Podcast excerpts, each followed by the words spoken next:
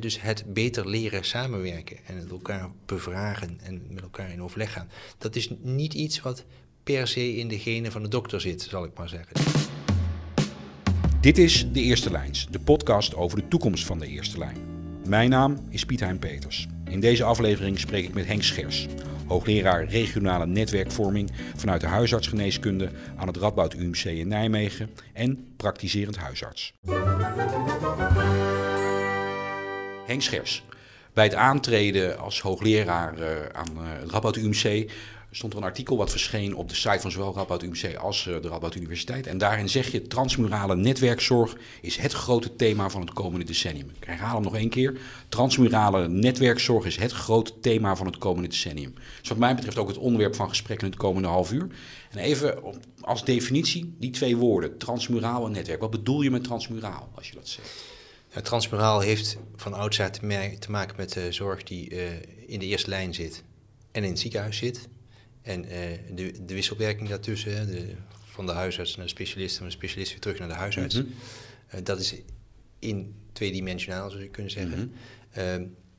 het tweede, netwerkzorg, is natuurlijk iets anders eigenlijk. Dat betekent dat het veel minder van A naar B en van B naar A weer terug is, maar dat het veel meer met elkaar interacteert. Er is ook een C, een D en een E. En dat er eigenlijk heel veel actoren zijn mm -hmm. als het gaat over uh, de zorg voor veel mensen. En zeker als het gaat over de zorg voor veel mensen die we in toenemende mate hebben in Nederland. Mm -hmm. uh, dan uh, voldoet niet meer die klassieke transmurale zorg, mm -hmm. A naar B, B naar A. Maar dan heb je eigenlijk allerlei spelers die op verschillende manieren met elkaar samen moeten werken om liefst voor een burger in Nederland, een patiënt, dicht bij huis zorg zo goed mogelijk kunnen vormgeven.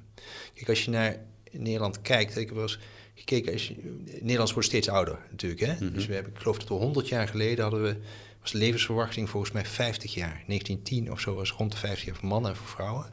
Inmiddels ligt dat voor, voor, voor mannen op de 80, vrouwen op de 384 volgens mij. En dat stijgt nog steeds door. Als je ouder wordt, krijg je meer ziektes en aandoeningen. Die, die, ook daarvan weten we dat dat echt enorm toeneemt. Het aantal mensen met drie of meer aandoeningen bijvoorbeeld neemt echt stijl toe met de leeftijd. Dus ja, dan hoor je ook dat netwerk ontstaan eigenlijk. En dan zie je eigenlijk al van ja, oudere mensen, meerdere aandoeningen, ook een enorme toename van medicatie die gebruikt wordt voor al die aandoeningen. Mm -hmm. uh, ja, dat, dat, dat, daar zie je gewoon de complexiteit eigenlijk voor je ontstaan, ja. die er gewoon 100 jaar geleden niet was. En nu dat mensen ouder worden, meer aandoeningen hebben, zieker worden, in de latere levens. Er zijn een paar partijen die ook in dat netwerk zitten, behalve die, wat ik nu maar even eerste ja. en tweede lijn noem, huisarts en specialist. Ja. Welke andere partijen zie je ook vaak opereren in zo'n netwerk rondom patiënten? Nou, we hebben wel eens naar gekeken, ook uh, wetenschappelijk gezien, van hoe ziet zo'n netwerk eruit van die categorie patiënten waar we het nu over hebben. Ja, dat is fenomenaal als je daarnaar kijkt. Fenomenaal. Dus fenomenaal groot is het vaak. Dus er zit vaak, de patiënt zelf zit natuurlijk in het centrum eigenlijk. Mm -hmm. Dan heb je een mantelzorg, een partner of iets dergelijks daar rond. Want dat hoort er ook bij, het informele. Hoort ook bij eigenlijk de informele, informele circuit. Ja.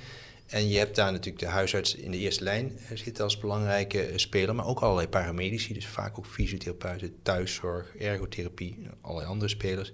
En in de ziekenhuisomgeving zie je natuurlijk vaak de wat meer generalistisch georiënteerde grotere specialismen die daar mm -hmm. ook bij zitten. Dus heel veel mensen zijn bij de cardioloog bekend, bij de internist bekend, uh, bij sommigen bij de geriater bekend. GGZ is natuurlijk een hele grote uh, speler als het daarover gaat. Dus je hebt, als je naar die mensen kijkt en ziet bijvoorbeeld als je in, in, dossiers kijkt van die mensen en je ziet hoeveel brieven zijn er het afgelopen jaar van een 80-plusser bij mij op een bureau beland, dan is dat voor een groot deel van die mensen is dat echt heel veel. In mijn hoofd vormt zich nu het al, het kan zomaar gaan over 10 tot 20 professionals die daarbij ja, ja, ja, ja, ja, ja, ja. Gaat het alleen over ouderen? Maar dat lijkt je nu... Nee, dat, het gaat natuurlijk niet alleen over ouderen, maar de, als je kijkt naar het totaal, dan hebben we het wel voor 80, 90 procent over 75-plussers. Ja, want dit is wel de grote pushfactor achter deze de ontwikkeling. De grote groep mensen, ook de grote groep mensen die überhaupt uh, beroep doet op zorg. Ook op de ziekenhuiszorg natuurlijk. Hè. Als je in een ziekenhuis gaat kijken, wel, wel, welke leeftijdscategorieën uh, ontmoet je daar? Dat zijn heel veel mensen van boven de 75. Ja, dus die ontwikkeling van transmurale netwerkzorg als groot thema vloeit met name voort uit de vergrijzing. Ja, dat is een, een belangrijke vergrijzing en veel meer aandacht voor chronische aandoeningen. Okay. Dus als je de zorg voor allerlei chronische aandoeningen vergelijkt nu met 30 jaar geleden, is daar natuurlijk een enorme uh, toename van spelers. Waar die komt dat vandaan? Wat, nou, kwaliteitsverbetering, uh, toename van richtlijnen. die er zijn voor allerlei aandoeningen, waar steeds beter wordt omschreven wat de beste zorg is voor die mensen. Mhm. Dat betekent ook vaak in de eerste lijn dat je meer verpleegkundige praktijkondersteuners, allerlei hulppersoneel, wat uh, ervoor moet zorgen dat er al, voor die, al die aandoeningen goed gezorgd wordt. Um, ja, dat, dat neemt gewoon e-, enorm toe. Ja. En dat is tegelijkertijd ook wel de, de beperking uiteindelijk. Want je kan niet eindeloos groeien natuurlijk daarin. En je ziet ook dat die dingen elkaar soms dan gaan tegenwerken. Je bijt op een gegeven moment in je eigen staart, Ja, zo klinkt het dan. Omdat, je, omdat je met zoveel partijen, Ja. Je in, ziet- die, in die zucht naar kwaliteit... Leidt heel snel tot versnippering natuurlijk. Of dreigende versnippering en eh, dreigende echelonering. Dus dat je eigenlijk rondom dezelfde patiënt in verschillende silo's aan het werk bent, eh, zoals het dan vaak genoemd wordt. Ehm, en, en daar heb je dus echt voor nodig dat, dat we toegaan van die, van die zorgketens en zorgpaden naar zorgnetwerken die gezamenlijk rondom die patiëntenzorg vormgeven. Waarbij de inzet van die specialistische expertise thuis, hè, dat is dat, denk ik, wat, dat, als het gaat over het transmurale, wat ik zie, dat je eigenlijk mensen klassiek natuurlijk gaan van thuis naar ziekenhuis en weer terug. Ja, eigenlijk wil je mensen zo min mogelijk in dat ziekenhuis hebben. En wil je zoveel mogelijk de expertise van die specialist dicht bij de patiënt thuis hebben. En daar zoeken we naar allerlei constructen om dat eh, beter mogelijk te maken. Dat je dus wel hoog specialistische expertise rondom de patiënt thuis Zo dichtbij mogelijk in de thuissituatie. Ja. Een klein stapje terug nog. Het klonk alsof je zegt ook... 30 jaar geleden waren mensen met chronische aandoeningen... grosso modo, eh, beduidend, kwalitatief beduidend... qua zorgkwaliteit minder goed af dan nu. Is de, de- dat, Ja. dat hoor ik je dan zeggen. Ja. Dus Als het gaat over de, over de ja? ziektes en aandoeningen, hè, noem maar even misschien wel het bekendste voorbeeld diabetes. Hè, 30 jaar geleden zeiden we, nou, eh, u hebt een beetje suiker. Als we hem onder de 10 houden, dan komt het wel goed. En soms gaf je iemand een pilletje en dan zag je iemand één keer per ja, drie maanden suikertje klaar. Ja, tegenwoordig zie je dat, dat, dat... Dus er zijn veel strengere richtlijnen, omdat daarmee de kans op complicaties en overlijden ten gevolge van die aandoening afneemt. eh, eh, wordt er steeds meer op ingezet. Dus vaak hebben die mensen drie, vier, vijf soorten medicijnen voor diabetes. Mhm. Ehm, en je ziet dat er veel meer aandacht is voor allerlei potentiële complicaties. Dus daar zit enorm veel meer effort in eigenlijk. Om, eh, en, en daarmee is de zorg is beter geworden. Mensen leven langer. Mhm. Maar aan het eind van het leven komen die dingen vaak toch weer samen. Ja, En, dus, dus, eh, en dan zie je die, schuift het op. ontstaan. En van, dan zie je, eh, ja, precies, van eigenlijk steeds meer problematiek eh, ge- gecentreerd binnen één patiënt. Je zegt net in één zin even van, van zorgpad en zorgketen naar zorgnetwerk. Wat is, dan, wat is dan de cruciale verschuiving? Nou wat, je vaak ziet, is natuurlijk dat die zorgpaden en, en zorgketens, hè, zoals ook vroeger wel genoemd werd, dat gaat echt over één aandoening. Mhm. En we hebben natuurlijk steeds meer mensen die hebben niet één aandoening, maar die hebben drie, vier, vijf aandoeningen. Ja, En, en, en dan, ja, dan, die dingen moet je eigenlijk bij elkaar dus die multimobiliteit die Die daar... multimobiliteit, die wil je anders gaan behandelen dan in vijf zorgstraten. Ja. Eh, en dat heeft dus ook eh, eh, repercussies voor de manier waarop je die zorg organiseert. Ja, ja. Nu noem jij het in jouw eh, in dat statement, hè, dan zeg je transmurale netwerkzorg is het grote thema van het komende decennium. Dan denk ik, het is niet dat de huisarts niks te doen heeft momenteel qua thema's. Er Nee. komt een hoop op af. Waarom zeg jij het is het grote thema? Nou, het belangrijkste is dat ik die ontwikkeling zie naar steeds meer zorg voor een grotere groep mensen, eh, waarin eh, eh, versnippering optreedt van zorg Mhm. en waarin met toenemende specialisatie, specialisatie ook binnen de ziekenhuizen zie je natuurlijk dat steeds meer in kleine stukjes gewerkt wordt die uiteindelijk het geheel niet dienen. Ehm, en je ziet bij die steeds ouder wordende groep mensen dat die uiteindelijk niet gebaat zijn bij steeds naar een andere specialist in een ziekenhuis en weer terug naar de huisarts, et cetera. Dus daar, daar moeten we echt andere manieren van zorg voor vinden. Ja. Kijk, en, eh, dat is een groot thema, dat klopt. En eh, betekent dat iets voor de huisarts? Ja, Nou, je, zegt ook zeker. het, het- je zegt ook het grote thema. Het is alsof je het Ja. je prioriteert. Ja. Ja, en dat komt omdat ik denk dat we voor wat betreft de inhoudelijke kwaliteitsverbetering van de zorg in de huisartsenpraktijk voor chronische aandoeningen Mhm. heel ver zijn. Daar zit niet zo heel veel meer eh, wat we kunnen halen. Mhm. En ik zie echt de, de organisatie, die coördinatie, de afstemming van zorg voor die Rondom die mensen multimobiele, met, Ja. met mensen met echt multimobiliteit. als een enorme uitdaging. Kun jij, kun je, Waarbij je ook aan de achterkant Ja. overigens, hè, van waar stop je dan? Hè, en waar doe je een onsje minder? Ja. En Dat zit daar ook erg aan vast. En dat kun je heel vaak heel slecht als één link binnen één silo bepalen. Dat, merken we gewoon. De cardioloog gaat door, de huisarts gaat door. Ja, precies. Eigenlijk heb je daar het netwerk van professionals voor nodig. Die van elkaar uh, weten hoe ze erover denken, die dat afstemmen en samen met de patiënt tot verstandige afwegingen komen. En soms betekent het dus ook gewoon minder doen. Ja. Kun, jij, want je bent ook nog steeds praktijkhoudend huisarts. Hè? Uh, kun je vanuit jouw praktijk, of wellicht vanuit verhalen die jij van collega's hoort, zeggen van dit is nou typisch casuïstiek waar die, waar die behoefte aan die transmurale netwerkzorg echt duidelijk zichtbaar wordt. Welke, wat, aan wat voor casuïstiek denken we dan? Um, ja, er zijn natuurlijk legio voor. Maar wat, wat, wat, jij, waarvan jij recent denkt, dat daar, daar ervaar ik het. Nou, precies. De, um, ik had uh, dit weekend nog een man die uh, viel af en toe. Uh, dat las ik dan terug vanuit de waarneming en dienst.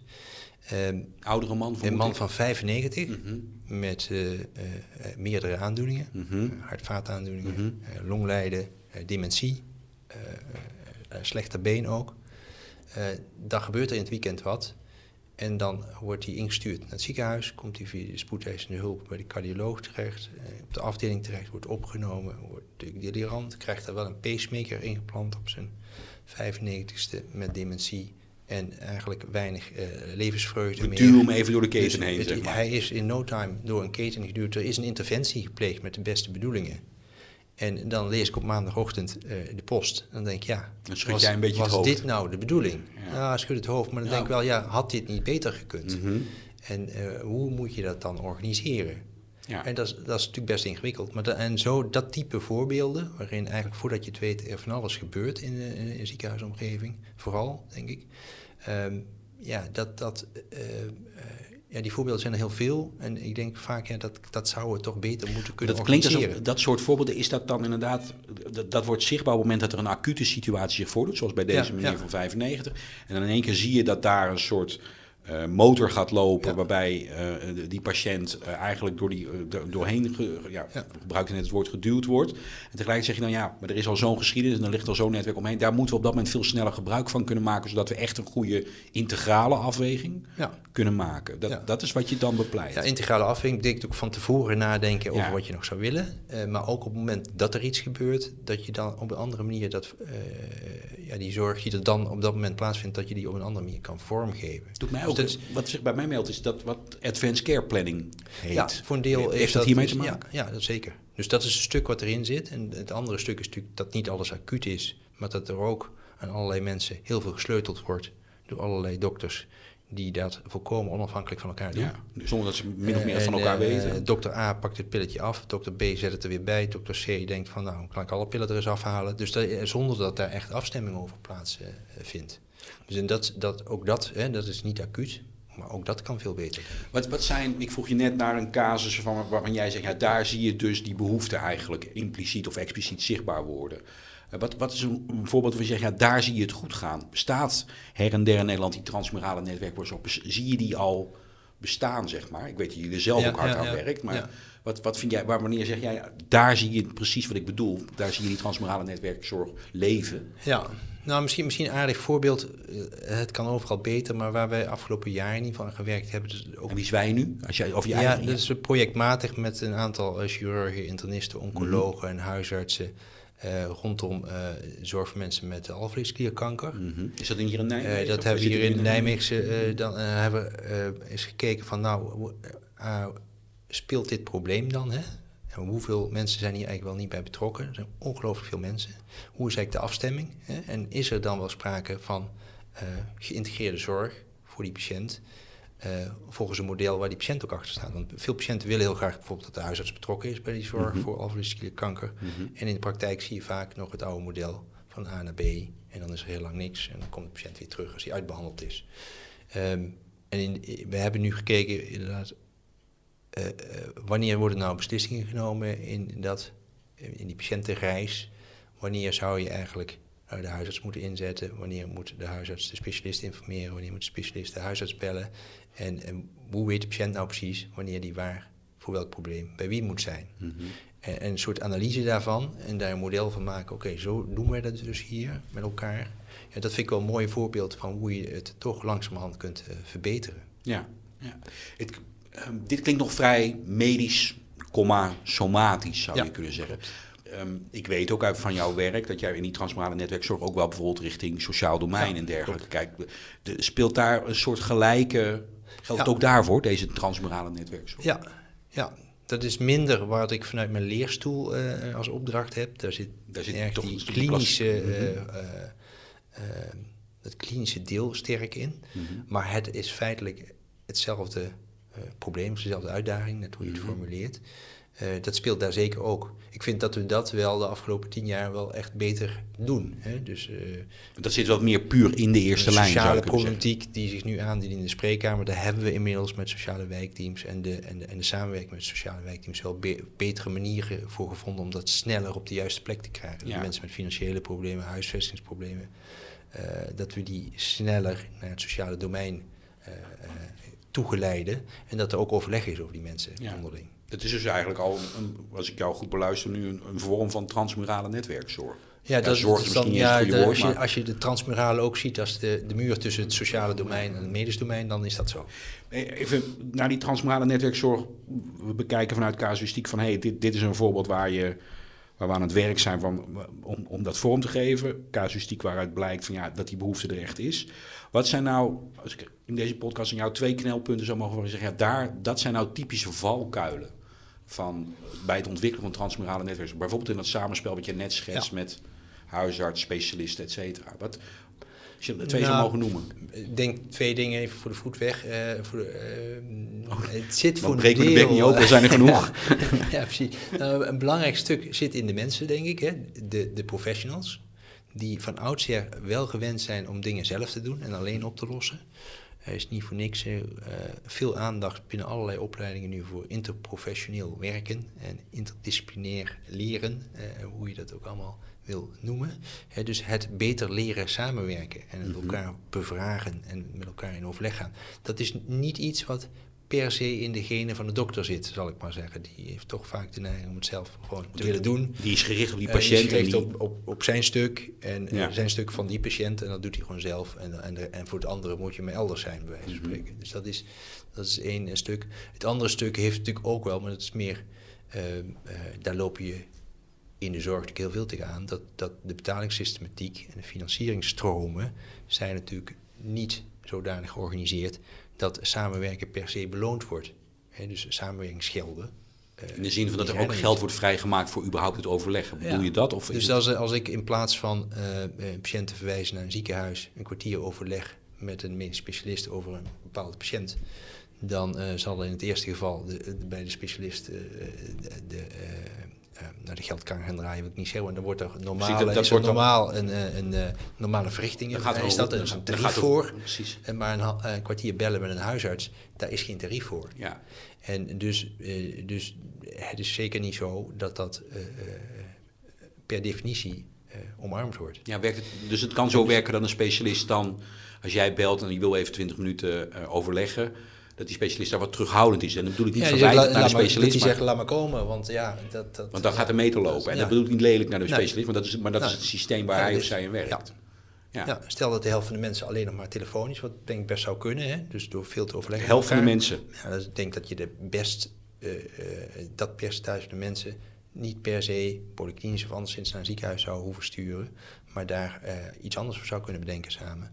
Maar dat is gewoon niet het model wat, waar, waar nu eh, een, een, een tarief op staat. Ja. Eh, Samenwerking is altijd het, het, ja, Het, het enerzijds zoveel bepleiten en anderzijds het ja, voortdurend gewoon, kwetsbare. is- het is gewoon geen vorm van directe patiëntenzorg. En daardoor is het zo moeilijk blijkbaar om daar een tarief voor Want, we komen zo meteen nog even terug op dat eerste, die eerste valkuil die je schetst, Ja. hè, het individu-gerichte van, van, van de huisarts. Maar even rondom die samenwerking, wat zou, moeten we een tarief gaan ontwikkelen voor dit type eh, eh, collegiaal consult? Of, Nou, nee, dat, dat, dat denk ik niet eigenlijk. Ja, goed, ik denk vaker, ja, je moet eigenlijk weinig stuk goed betalen, maar gewoon intentie en werk betalen. Eh, dus eh, het idee van alle specialisten in loondienst en, en huisarts misschien ook wel, is misschien nog niet zo slecht. Ja, dus dan, en, en dat is wel een hele grote beweging die je dan Ja, een enorme beweging, weet ik. En, eh, eh, maar goed. eh, Want dat Kijk, alles wat, wat daar in de weg zit, Mhm. zou, ik maar zeggen, zou, je, zou je in ieder geval aan de kant willen hebben. Maar iets, maar iets kleinere stapjes, los van... Want de loondienstdiscussie is wel, dat, bedoel, dat is Ja. wel een dingetje. Als je een iets kleiner stapje zou kunnen zetten... als het gaat om de bekostiging van dit type overleg... waar- welke kant zou je dan op denken? Of, is of moeten we deze grote stap Ja. maken, anders lukt het niet? Nou, ik weet, kijk, tot nu toe is het niet goed gelukt. Hè? Er zijn natuurlijk heel veel initiatieven geweest om anders samen te werken en te kijken of je die samenwerking bekostigd kunt krijgen. Dat is eigenlijk gewoon niet gelukt. Ja. Dat kun je wel eh, zo eh, zeggen. In de ouderenzorg speelt het al heel lang. Eh, maar dat is toch lastig. Het is Ja. zo, zo, als je terugkijkt, bijvoorbeeld die... Hebben in, in, zeg maar, in mijn praktijkomgeving al, al heel lang die, het home team noemen we dat nog. Mhm. Een heel oud concept, maar dat is eigenlijk samenwerking, netwerksamenwerking rondom die patiënt. We hebben regelmatig gehad in de loop der tijd dat mensen zeiden van ja, ik mag hier mijn tijd niet meer aan besteden eh, van mijn baas. Ja. Want het wordt niet bet- betaald. ja. Dat, dat is toch de En, dwingende factor ja, dan? en, dat, en dat is dus heel sturend. Ja, precies. En, en dat, dat voorkomt, dat tackelen we alleen maar wanneer we het systeem echt fundamenteel op de schop ja, en ik, dan ben, zeggen. ik bedoel, ik denk niet na over hoe zorg eh, bekostigd moet worden nee. en hoe je dat verstandig doet. Maar je ziet Maar ik wel merk gewoon dat het, eh, het systeem nu werkt niet echt mee. Ja. ja. Even terug naar, de, naar die eerste valkuil die je schetst. Ja. Dan heb je het over ehm, de, de arts die gericht is op die patiënt, eh, de relatie met die patiënt. Ja. En eigenlijk een beetje, zo begrijp ik het, de oogkleppen op heeft op dat moment. Dat, ehm, is dat, wordt dat nu in de opleiding al wel geadresseerd, dat bredere kijken? Nou, dit is wat ik net al even Ja, benoem. Hè? Dus, dus, eh, zeker in eh, zowel paramedisch als medisch is er meer aandacht Ja. voor, voor, voor samenwerking. eh, tussen dokters, maar ook van dokters met paramedici en verpleegkundigen. Ehm, daar wordt zeker toenemend aandacht aan besteed. Ehm, En wat, wat, is dan, wat is dan de attitude waaraan gewerkt wordt? Wat, wat, ik bedoel, ik probeer me dat dan voor te stellen van... Je kunt tegen mensen zeggen, werk samen Ja, of ja, heb ja. oog voor. Bedoel, dat, het is bijna als, ja, dat deel je dan mee. Maar wat, Ja. wa- hoe, hoe, hoe ontwikkel... En met name ook bij bestaande professionals die nog Ja. uit het oude schabloon komen. Zeg. Ja, nou, dat is dus ook moeilijk. Vaak is het de goede voorbeelden laten zien, laten proeven en dat ook dan Mhm. volgen. Dat is denk ik ook de reden dat we nu vooral ons op de jongere eh, groep richten. Van de mensen die eh, ja, in opleiding komen en zijn. Die zijn nog te redden. Eh, die zijn, nou, die zijn dat, ja, te redden. Nee, je sorry. hoopt dat ze een soort vanzelfsprekende manier van werken ontwikkelen. Die gewoon betekent dat je eens naar links en naar rechts kijkt en vraagt. En, en zegt, oh, kunnen we het niet samen beter doen? En dat is toch ook voor een groot deel ervaren. Kijk, als je voor in de opleiding komt, dan is het best lastig. De medisch student kijkt toch anders naar eh, de student die in opleiding is tot verpleegkundige. Ja. En die zegt, ja, die zijn met andere materie bezig. En Ja. vind, denk ik, ja, moet ik het hier nu over hebben? Ja, hier moet je het over hebben. Ja. En dan achteraf vinden ze het vaak toch wel leuk en leerzaam en, en eh, ook wel eh, verrijkend om te zien hoe anderen kijken naar een bepaalde problematiek. Want, want in dat voorbeeld wat jij net schetste, hè, als een goede praktijk, waarbij jullie rondom eh, mensen met uh, alvleesklierkanker, als ik me Ja, goed ja. herinner, aan het werk bent, wat, wat, wat kom je dan tegen van die individuele gerichtheid waar we het nu over hebben? Hoe merk je dat in dat soort gesprekken? Wat, waar moeten specialisten van loskomen? Of wellicht jij zelf ook? Ja, nou, aardig is bijvoorbeeld, we hebben dat ook onderzocht hè, binnen die, binnen die eh, eh, kankerzorg, zal ik maar zeggen. Mhm. Dus dat je, als je huisartsen vraagt, voel je je lid van het team rondom een patiënt, als het gaat over de behandeling van die kanker, zeggen ongeveer 70% van de huisartsen nee. Oké. Als je de specialist vraagt, eh, vind je dat de huisarts onderdeel is van het team rondom de patiënt, dan zegt ongeveer 80% nee. Als je de patiënt vraagt van hoe zou je graag willen dat die zorg eruit ziet, zegt de patiënt ik wil heel graag dat die mensen heel goed samenwerken. Ja. En ik zou vaak willen dat de huisarts wat beter is aangesloten. Ja, die hoeft dat- natuurlijk maar niet te dat weten wat de specialist Want weet. dat, dat is de ik vertrouwenspersoon. kom daar toch. Ja. Die eh, man of vrouw kent mij heel goed. Mhm. Daar eh, kom ik regelmatig om überhaupt dingen te bespreken. Dus ik vind het gek dat hij niet heel goed op de hoogte is. Ja. Ja, dat is eigenlijk de situatie waar En ik denk dan nu komt, als, hè. als relatieve leek, denk ik nu, eh, ja, dat moet toch te doen zijn om, om de huisarts Ja. te aanplekken. Dus wat, wat, wat speelt daar dan dat dat niet gebeurt? Welke, welke luiken gaan er dicht in de... Ja, nou, ik denk dat de belangrijkste luiken die dichtgaan is de routine zo, die, zoals die zich ontwikkeld heeft. Mhm. En dat heeft te maken met de klassieke transmurale eh, reflex, zou je kunnen zeggen. Eh patiënt is bij de huisarts, wordt verwezen, is in het ziekenhuis en is En- daar. en dan zit hij en daar. komt op enig moment weer En- terug. En dan gaat er precies, Hè, dus luik dat- open, luik dicht. Ja, exact. En dan eh, voelt de huisarts vaak wel de neiging om contact te hebben met de patiënt, maar Mhm. voelt zich vaak ook wel wat onzeker omdat hij niet goed op de hoogte is. Denkt vaak, ja, wat moet ik daar eigenlijk doen? Of wat, eh, wat kan die patiënt eigenlijk van mij verwachten? Misschien verwacht hij wel meer van mij dan ik kan waarmaken. En dus eh, is hij niet vaak zelf ook heel actief om daar onderdeel van te worden. Ja. En de specialisten vinden het vaak minder belangrijk. Zijn perspectief is natuurlijk heel erg die, die, de, de, Ja. de, de behandeling. Ja. Eh, en toch, als je met mensen praat en ze rond de tafel zet, zeggen ze allemaal, eigenlijk moet het anders. Ja. Hè, dus er is niemand die de ander er niet bij wil hebben. Want wat staat, want je, je, je beschrijft, zoals ik het begrijp, ehm, dat, er, dat het eigenlijk een soort, soort schakels zijn waar, waar je van de ene naar de andere schakel Ja. wordt overgedragen. En dat dan de schakel waar je vandaan komt, eh, dat eigenlijk kwijt. Wat staat er kwalitatief dan op het spel voor die patiënt? Op het moment dat dat, dat, dat, dat, dat netwerk er dus niet is en niet die gezamenlijkheid is. Wat, wat, wat betekent dat, dat voor kwalitatief verlies? Nou, ik denk dat dat voor de geïntegreerde zorg, zoals dat dan zo mooi heet, hè, dus, Mhm. dus het kijken naar meerdere domeinen van het leven, de context van patiënten, eh, de beslissingen die ze daarover moeten nemen, dat je, dat je te indimensioneel gaat kijken eigenlijk. Mhm.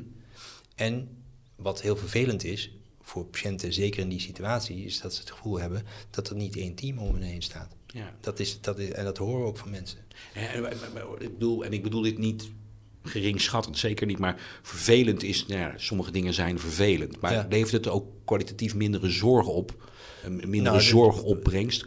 De, de, de veronderstelling is in ieder geval dat er vaak te veel en te lang wordt doorbehandeld omdat er te weinig oog is voor de context. Die man de- van de- de- 95 waar we toen net over hadden. En de belangrijke dingen in het leven. En wat wil je nou nog wel en wat wil je nou Ja. nog niet. En wat, hè, dus dat, dat er wordt overbehandeld. Ja. Dat, dat is in ieder geval een belangrijk eh, deel. En dat er te weinig ruimte is voor eh, samen beslissen over behandelingen waarbij alle eh, domeinen eh, meegenomen worden. Ja, ja. En, en dat, dus, dat eigenlijk niet die patiënt gereduceerd wordt tot zijn of haar aandoening, zijn of haar Ja. medisch probleem, maar die hele context daarin wordt, Ja. ja, je zegt het zelf al, meegewogen. Dat, dat, dat, dat staat er dan op het spel in feite. Ja, ik denk dat dat, dat het belangrijkste is. Behalve dat je altijd kan zeggen natuurlijk dat het op het moment dat hij... Want de patiënt is natuurlijk behalve in een ziekenhuis... komt hij heel vaak ook bij die huisarts. Dus het is gewoon... Zonder dat, daar, dat het aantoonbaar wetenschappelijk daar beter van geworden is. Maar het kan niet anders zijn dan dat het betere zorg oplevert... wanneer mensen van elkaar op de hoogte zijn... met elkaar afstemmen, de patiënt Ja. het gevoel heeft... die mensen weten waar het over gaat. Ja. Eh, eh, dat... dat eh, Vertrouwen is een, is, is een belangrijke Ja. gezondheidsindicator, om het even zo te noemen. Ja. Ja, zou je kunnen. Wat klinkt eh, in, in je analyse en in je pleidooi, klinkt voor mij door, maar dat leg ik nu aan jou voor of dat klopt, dat in die uh, transmorale netwerkzorg de huisarts uh, een, een, een, sleutelfiguur is. Dat, daar, draait, daar lijkt het omheen te draaien. Klopt dat? Nou, het is in ieder geval de figuur die het dichtste bij de patiënt Ja. en zijn context staat. Die vertrouwensrelatie. Hè, en die, waarmee een langdurige relatie over het algemeen er al ligt. Als je eh, mensen hun netwerk, hebben we het straks al even gehoord, laat tekenen, van die netwerkanalyses, Ja. dan staat de huisarts meestal ergens aan die binnenkant. Ja, met dus als je een systeemopstelling zou maken, dan staat ze aan de binnen- Dan staan die aan de, aan de Ja. binnenkant en, en aan de buitenkant staan dan al die anderen die worden ingeschoten. Dus, dus ja, die huisarts heeft voor veel mensen daar Mhm. een centrale rol in. Ja. Ehm, is dus een soort van spil in die zorg, in de eerste lijn in ieder geval medisch gezien, voor, eh, eh, voor veel mensen. En, en, dat, dat, eh, eh, en dat moeten wij ons denk ik als huisarts ook vaak eh, veel beter bewust zijn. Klinkt ook als een, als, een, als een binnen de medische wereld als een soort lichte hiërarchische herschikking. ja, zo zou je hem kunnen eh, benoemen. Ehm, ik denk eigenlijk zelf dat het eh, belangrijker is dat, eh, en dat is natuurlijk een algemene beweging ook, eh, dat zie je en hoor je ook ziekenhuizen zeggen, dat ze het belangrijk vinden om de zorg bij die patiënt in de context van die patiënt zoveel mogelijk te geven. Dus de beweging van een ziekenhuis Ja. en ook wel de uitdaging voor een ziekenhuis is van hoe krijg ik mijn expertise eh, uit dit ziekenhuis. Beschikbaar zoveel voor, voor zoveel mogelijk mensen dicht in hun sociale context. Ja, en dat, en dat, dat betekent automatisch een, een, een, een kernfunctie voor de. Dat is een soort herschikking waarbij eh, ziekenhuizen zeggen van ja, we zijn eigenlijk maar af en toe passant in het uh, leven van mensen. Geldt ook voor huisartsen, maar die hebben in ieder geval wat continuïteit met die mensen. Uh, maar wij schieten af en toe in. En dat, is dus, dat vergt dus een andere rol dan die we ons nu vaak uh, zelf toekennen. Want wat is, de, wat is de verschuiving in rol? Hoe zou jij dat benoemen? Nou, ik, ik denk dat het meer dienend, ondersteunend is en uh, uh, er zijn wanneer het nodig is, dan van wij bepalen wanneer wat waar nodig is. Ja. Eén en laatste vraag. Ik kwam in mijn research voor deze podcast, ja. kwam ik op een gegeven moment een interview van jou tegen, wat, wat jij uh, gegeven hebt vanuit je rol als voorzitter van de verenigingsraad van het Nederlands Huisartsgenootschap. En daar zeg je, huisartsen moeten samenwerken, maar niet ten koste van zichzelf. Dat, dat klinkt alsof, dat klonk voor mij in het verlengde van dit gesprek, wat wij ook nu met elkaar gevoerd hebben, en jouw pleidooi, klonk dat ook alweer, ja, inderdaad, transmorale netwerkzorg, maar die huisarts wij moeten ook wel voorzichtig zijn in de mate waarin we daar instappen. Het klonk ook weer niet heel... Dan remt daar weer een beetje. Ja, dat was, dat, dat was een iets andere context waarin ik dat gezegd heb. Eh, dat, dat ging eigenlijk meer over... Het, het, het eh, huisartsgenootschap houdt zich natuurlijk vaak bezig met richtlijnen, protocollen, mm standaarden. Um, daarin, die zijn natuurlijk ook ontwikkeld vanuit de huisartsgeneeskunde zelf heel sterk. Hè? Mhm. dus, dus 30 jaar geleden, 40 jaar geleden, de we moeten richtlijnen maken. Fantastische uh, beweging geweest. Hebben dat eerst heel erg zelf gedaan. We moeten zelf bepalen wat ons eigen vakgebied is. En zijn in toenemende mate nu uh, samenwerking zoeken met allerlei. Uh, dat is ook goed, hè? Met, met allerlei specialistische verenigingen, met cardiologen, de internisten, om mhm. die afstemming van die standaarden te doen eigenlijk. Want Anders kan het zo zijn dat je als patiënt misschien met twee verschillende richtlijnen te maken hebt. Bij de internist bent is het zo en als je bij de huisarts bent is het zo. Ja, klinkt ook een beetje, dit klinkt, maar dit klinkt ook als een facet van transmurale netwerk. Nou ja, precies. Dus, dat, dat, dus het, het zuurt er tegenaan. Maar wat mij daar vooral om ging, was dat uh, er, je, je ziet wel dat in die transitie vaker, vind ik, huisartsen daarin te veel toegeven aan de perspectieven van de specialist. Dus als die zegt van ik vind cardiologen met veel aplomb zeggen van het moet zo, dan vind ik soms dat we dat te makkelijk uh, toegeven. Terwijl mhm. wij heel goed weten dat het vaak in de praktijk ook gewoon anders zit. Dat is dat, niet ten koste van jezelf? Dus dat is niet ten koste van je eigen uh, uh, beroeps uitgangspunten eigenlijk. Ja. Van, nou, en dat is eigenlijk een soort professionaliteit van de huisarts natuurlijk, dat, dat, je daarvoor staat voor een deel. Ja. En, dat, en dat, is ingewikkeld, maar dat is een soort, was een soort waarschuwing van pas op. Want ook dan kun je pas volwassen netwerkzorg bedrijven, als ieder zijn eigen uh, uh, ballonnen wel in de lucht houdt. Ja. Dus dat, ja...